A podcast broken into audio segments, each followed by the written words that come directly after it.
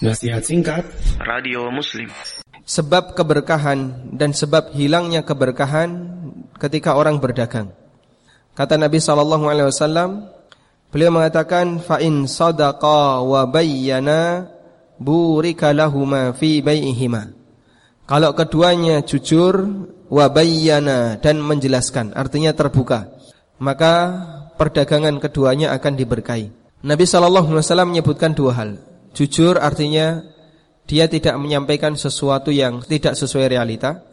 Terbuka artinya dia tidak menyembunyikan sesuatu yang seharusnya dijelaskan. Seperti cacat.